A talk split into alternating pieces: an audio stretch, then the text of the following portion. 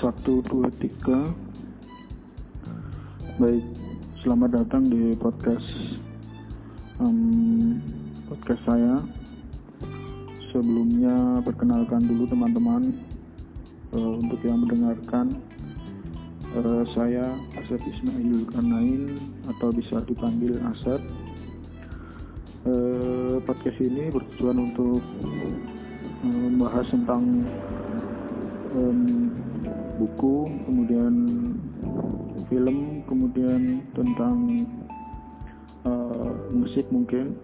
Nah, di episode pertama ini kita akan membahas tentang atau uh, mereview buku karangan Yuval Noah Harari yang berjudul Sapiens.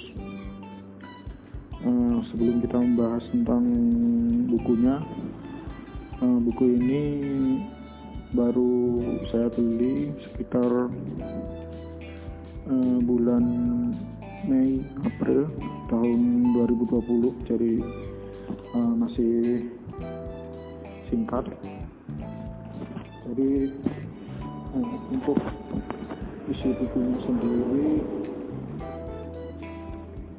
itu berisi tentang kita pertama tentang bagaimana evolusi kognitif eh, homo atau genus homo. Kan kita tahu sendiri kalau menganut teori evolusi itu kita manusia itu zaman dulu tidak hanya homo sapiens tapi juga homo neanderthal misalnya yang hidup di hmm, di Eropa Nah, di bab pertama ini uh, Yuval Noah Harari membahas tentang bagaimana uh, bagaimana manusia itu kita memiliki revolusi kognitif sampai bisa menguasai dunia. Misalnya kalau di bab pertama membahas tentang misalnya hewan tak berarti, misalnya bagaimana dunia ini terbentuk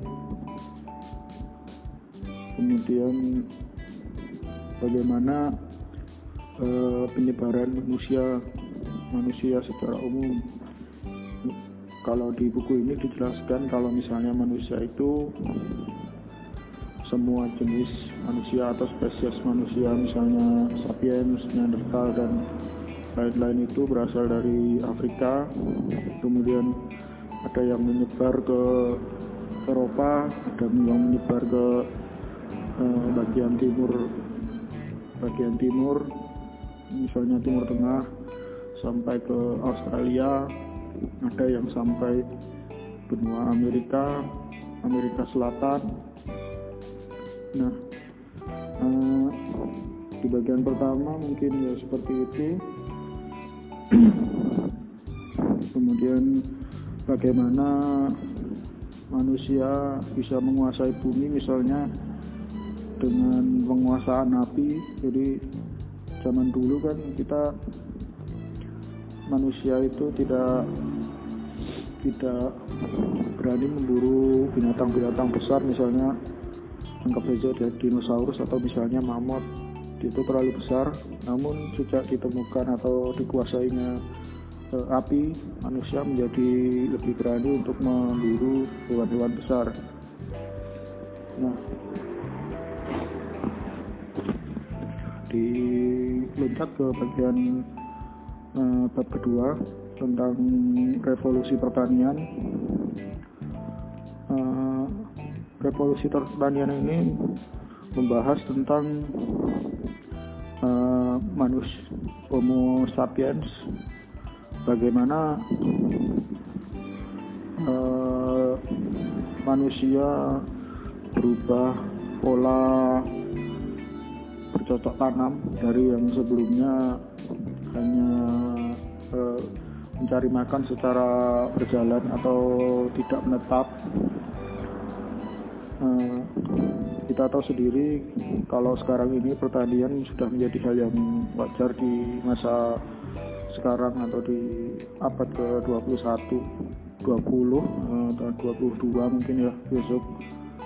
Uh, uh, terus di sini membahas juga apakah sebenarnya pertanian ini memberikan kemakmuran atau malah menyengsarakan umat manusia. Kalau di buku ini membahas misalnya uh, kita itu mendomestikkan gandum atau gandum yang mendomestikkan kita. Kalau zaman dulu kan kita makan beraneka beraneka ragam sebelum kita jadi uh, menetap. Zaman dulu nenek moyang kita kalau menurut buku ini memakan berbagai jenis jadi eh, keterampilan kita di alam itu lebih banyak daripada manusia modern eh, abad kita sendiri walaupun eh, manusia sekarang beranggapan kalau misalnya pertanian itu bisa memenuhi eh, lumbung atau makan kita tapi sebenarnya kita malah menjadi malas menjadi sibuk sendiri dengan pekerjaan bercocok tanam yang manusia itu sebenarnya menurut buku ini tidak diciptakan untuk bercocok tanam dan makanan yang kita makan sendiri tidak beraneka ragam seperti zaman nenek moyang kita. Karena kita terbentur oleh hmm, misalnya hewan-hewan yang didomestikan terus hmm, makanan yang didomestikan zaman dulu gandum itu menurut ini tidak berharga hanya seperti gulma liar tapi sejak adanya pertanian maka gandum itu menjadi lebih berarti tetapi waktu manusia menjadi e, terbuang untuk mengurus pertanian dan e, sejak apa segaris lurus dengan pengetahuan kita tentang alam. Nah, untuk selanjutnya di bab 3 itu tentang eh, pembahas tentang pemersatuan umat manusia. Jadi eh, manusia hidup tentunya eh, memerlukan kerjasama. Nah, di zaman dulu sebelum adanya kalau di sini disebutnya tatanan khayalan manusia zaman purba eh, hanya efektif kalau misalnya tidak sampai 100 dalam bekerja sama nah sedangkan di zaman modern sendiri di saat kita ini kita mampu bekerja sama misalnya satu negara atau e, diglobalisasi sendiri bahkan antar negara pun bisa bekerja sama. Nah di zaman dulu sebelum adanya pemersatuan umat manusia ini nah, manusia zaman dulu hanya tergolong dalam kelompok-kelompok kecil jadi uh, bisa dikatakan malah manusianya itu lebih bermacam-macam dibandingkan dengan manusia yang ada zaman sekarang yang walaupun kita bertambah banyak tapi uh, variasi misalnya suku kita menjadi lebih sedikit tanpa disadari. Nah, di pemersatuan umat manusia sendiri, misalnya salah satu contohnya berisi tentang uh, agama. Nah, di buku ini dibahas bahwa agama itu dianggap seperti uh, sarana untuk mempersatukan umat sama seperti ideologi, tetapi ideologi yang saya maksud itu ideologi buatan manusia misalnya fasis atau apa ya eh, kapitalis atau eh, apa ya liberal gitu atau fasis tadi yang saya katakan di awal. Nah tapi agama ini unik karena eh,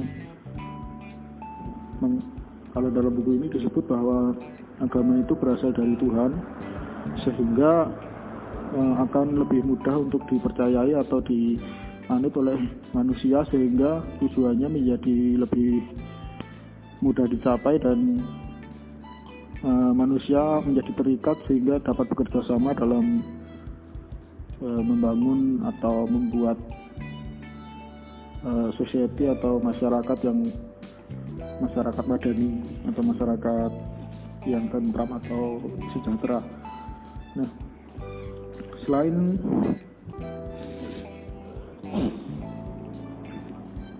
selain dari agama misalnya tentang harum uang nah harum uang ini misalnya uh, mempersatukan manusia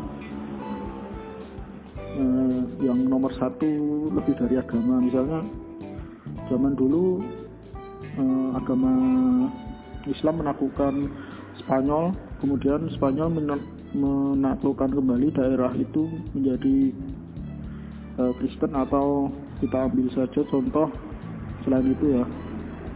Di Konstantinopel atau apa sekarang? Masjidil Aqsa kah?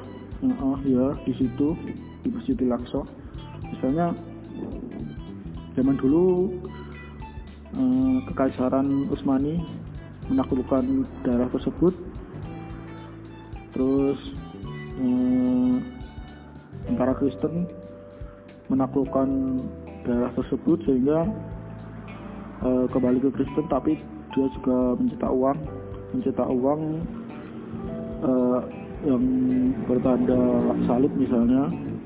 Namun uh, yang menjadi heran misalnya uh, koin itu juga dipakai di negara-negara Islam zaman dulu karena atau wilayah-wilayah Islam karena dia percaya juga kalau misalnya uh, uang itu dapat berguna di atau dapat menjadi jaminan dalam perniagaan atau uh, perdagangan walaupun berbeda agama. Nah, uh, harum uang ini lebih efektif untuk menyatukan uang daripada agama menurut di buku ini. Nah, kemudian di bab terakhir itu tentang revolusi sains.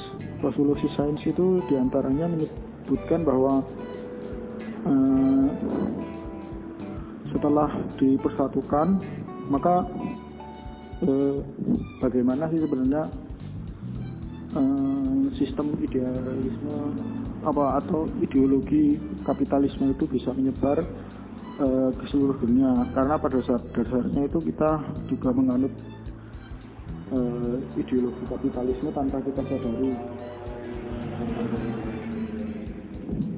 Terus nah dalam revolusi sains ini juga dibahas tentang hubungan imperium-imperium misalnya imperium Romawi atau kalau di modern misalnya negara tentang hubungannya dengan sains. Uh, apakah sains itu ditemukan dengan biaya sendiri oleh penelitinya atau uh, didanai oleh imperium-imperium yang sebenarnya juga melihat apakah penemuan ini berpotensi untuk menguntungkan dalam ekonomi di imperium tersebut atau tidak. Nah, kemudian juga di akhir itu dibahas tentang apakah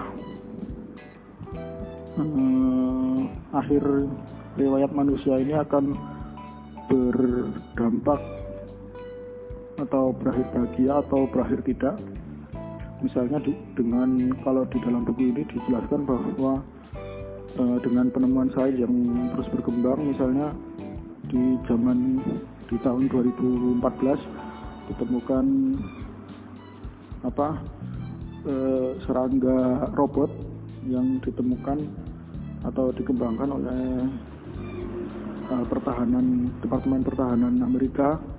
Nah, itu merupakan lonjakan yang sangat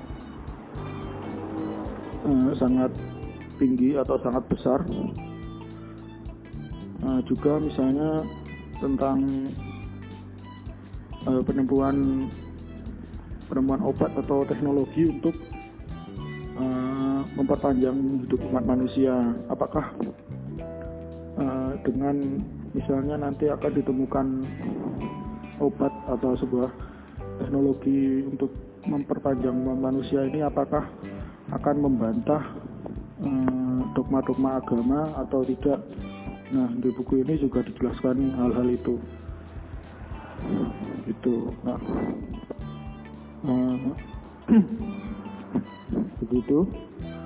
Untuk review dari buku Sapiens karya Yuval Noah Harari. Buku yang saya beli ini buku tentang eh, buku dari terbitan Kompas Gramedia. Kepustakaan populer Gramedia. Terbitan ke berapa